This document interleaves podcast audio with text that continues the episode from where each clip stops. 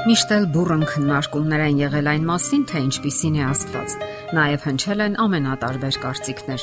Այդ առեղծվածը իր լիակատար պատասխանը կստանա թերևս Քրիստոսի գալուստից հետո։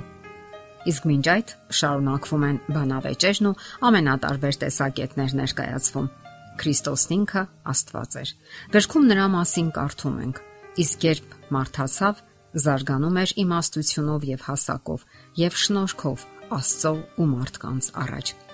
Աստվածաշունչը մեզ ներկայացնում է, թե ինչպես Հիսուսը մարդ դարձավ այդ բարի լիակատար իմաստով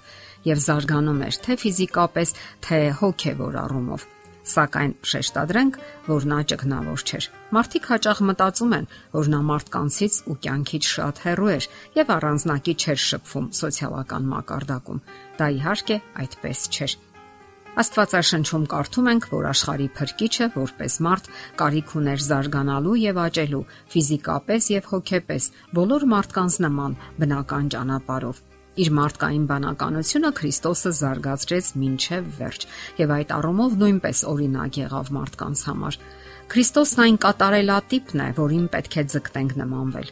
Հետաքրքիր է, որ գիտությունը վերջերս մի քանի զարմանալի հայտնագործություններ է արել, Պարզվում է օրինակ, որ մարդկային բանականության ներուժը չափազանց մեծ է։ Մասաչուսեթսի տեխնոլոգիական ինստիտուտի բաժիններից մեկի դեկան Ջորջ Հարիսոնը պնդում է. գլխուղեղը պարունակում է 100 անգամ ավելի շատ նյարդային թելիկներ, քան ամբողջ աշխարհի հեռախոսային համակարգերի գծերը։ Հենց դա է ապահովում ավտոմատ միացումները, ներքին ինքնակարգավորման մեխանիզմները, մարդու ուժերի հնարավորությունների կատարելագործումը Աստծո զորությամբ։ Հենց այդպիսի բանականություն ուներ Հիսուսը եւ նա օգտագործեց այն, որpիսի ավելի իմաստուն դառնա։ Հիսուսը ֆիզիկապես զարգանում էր այնպես, ինչպես բոլոր մարդիկ։ Նա իսկական մարդ էր բոլոր առումներով։ Փրկիչը կարողանում էր հմտորեն օգտագործել կացինը, սղոցն ու մուրճը։ Նա կարող էր կառուցել տուն կամ հյուղակ։ Նազարեթի բնակիչները գիտեին, որ նա լավ հյուսն է, եւ որ ուշագրավ է, նա աճում էր նաեւ հոգեվորապես Աստծո խոսքը այսպես է ասում այդ մասին. Եվ Հիսուսը զարգանում էր իմաստությունով եւ հասակով եւ շնորհքով Աստծո եւ մարդկանց առաջ։ Իր ողջ կյանքը նա ապրեց Աստծո հետ լիակատար համաձայնության մեջ։ Երբ Հիսուսը երեխա էր, բնականաբար մտածում եւ խոսում էր երեխայի նման, սակայն ոչ մեղքը, ոչ չարությունը երբեք նրա մեջ չաղավաղեցին Աստծո պատկերը։ Նա միշտ մնաց որպես Աստծո մարդ։ Հիսուսը զարգանում էր նաև որպես սոցիալական էակ, շնորհքով Աստծո եւ մարդկանց առաջ։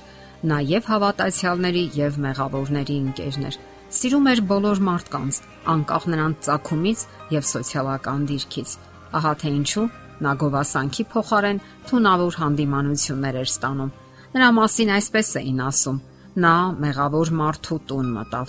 Ստացվում է, որ մարդու հետ շփվելը մեղք է եւ հարկավոր է չշփվել Սակայն դա այդպես չէ։ Հիսուսը շփվում էր մարդկանց հետ եւ դա նրա ամենակարևոր առաքելություններից մեկն էր։ Չէ որ հենց դրա համար էր թողել երկինքն ու եկել մեզ մոտ ապրելու։ Նա չէր ձգտում նվաճել այն մարդկանց, չէ, մի րոպե։ Չէ որ հենց դրա համար էր նա թողել երկինքը։ Նա չէր ձգտում նվաճել այն մարդկանց բարեհաճությունը, ովքեր բարձր դիրք էին գրավում հասարակության մեջ կամ կրոնական շրջանում։ Իր ժամանակի մեծ մասը նա անցեր կասնում աղքատ, աչքի չընկնող, նույնիսկ արհամարված մարդկանց հետ։ Նա տեսնում էր մարդուն ոչ թե այնպես ինչպես նա կա, այլ այնպիսին, որպիսին նա կարող էր դառնալ։ Նրան կատարելապես խորթ էին ռասայական ու սոցիալական անհանդուրժողականությունը։ Նա նայում էր մարդկանց որպես Աստծո արարչագործության մի մասը եւ ջերմ ցանկություն ուներ իր հոր արխայությունը վերադարձնել բոլորին։ Նրա աչքում բոլորը հավասար էին։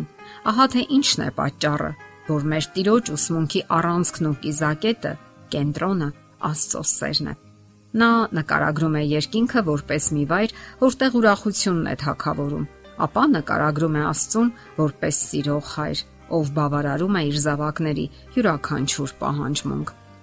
Հասկանալի է իհարկե, որ այդ պահանջմունքները խելամիտ են եւ չեն վնասում ոչ մեկի հավերժական փրկությանը,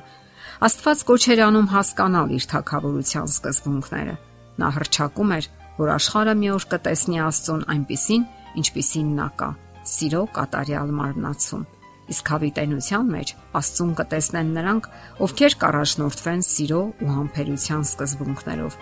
Պողոս Արաքյալը այսպես է մեկնաբանում դա որովհետև Աստված, որ ասեց, թե խավարից լույս ծագի, ինքը մեր սրտերի մեջ ծագեցրեց Աստծո փառքի գիտության լուսավորությունը տալու համար Հիսուս Քրիստոսի դեմքում։ Հիսուս Քրիստոսը Աստծո մեծագույն հայտնությունն է իր եւ իր թակավորության վերաբերյալ։ Հիսուսը եկավ հրճակելու, որ իր թակավորությունը ուրախություն է, խաղաղություն եւ եղբայրություն, որտեղ բոլորը կապված են սիրո հանգույցներով եւ որտեղ բոլորը հավասար են։ Եվ վերջապես նա հրճակեց, որ իր հրավերը ընդունող յուրաքանչյուր մարդ ազատ մուտք ունի մտնելու իր ընտանիքը եւ ապրելու հավերժական սիրո մեջ։ Մարդկությունն ունի Աստծո փրկության կարիքը։ Աստված տվել է այդ հույսը մեզանից յուրաքանչյուրին, նոր կյանքի եւ փրկության անթառամ հույսը։ Այդ հույսի երաշխիքը Հիսուսի առանձնահատուկ շնորհքն է, որ նա հեղում է բոլորի վրա։ Գաղտնիք չէ սակայն, որ շատերն են իրենց անհույս մեղավոր համարում անպատրաստ եւ անարժան փրկության համար, սակայն Աստված իր սերն ու ողորմությունը հավասարապես հեղում է բոլորի վրա, որpիսի մարդիկ լիակատար հասկանան, թե ինչպիսին է Աստված եւ ինչպիսին է նրա էությունը։ Իսկ դրա համար պահանջվեց Հիսուսի կյանքն ու մահը։ Իր ծննդյան օրից մինչև խաչի մահը Քրիստոսը հավասար սիրով էր վերաբերվում թե բարեկամներին եւ թե թշնամիներին։ Նրա համար չկային ընտրյալներ եւ ցածրեր, հարուստներ ու աղքատներ։ Այսպիսին է նա, աշխարհի փրկիչը, որին մենք պետք է ձգտենք ճանաչել եւ ոչ միայն ճանաչել, այլև ընթորինակել։ Եթերում ղողանջ հավերժության հաղորդաշարներ։ Ձեզ հետ է Գեղեցիկ Մարտիրոսյանը։ Հարցերի եւ առաջարկությունների համար զանգահարել 033 87 87 87 հեռախոսահամարով։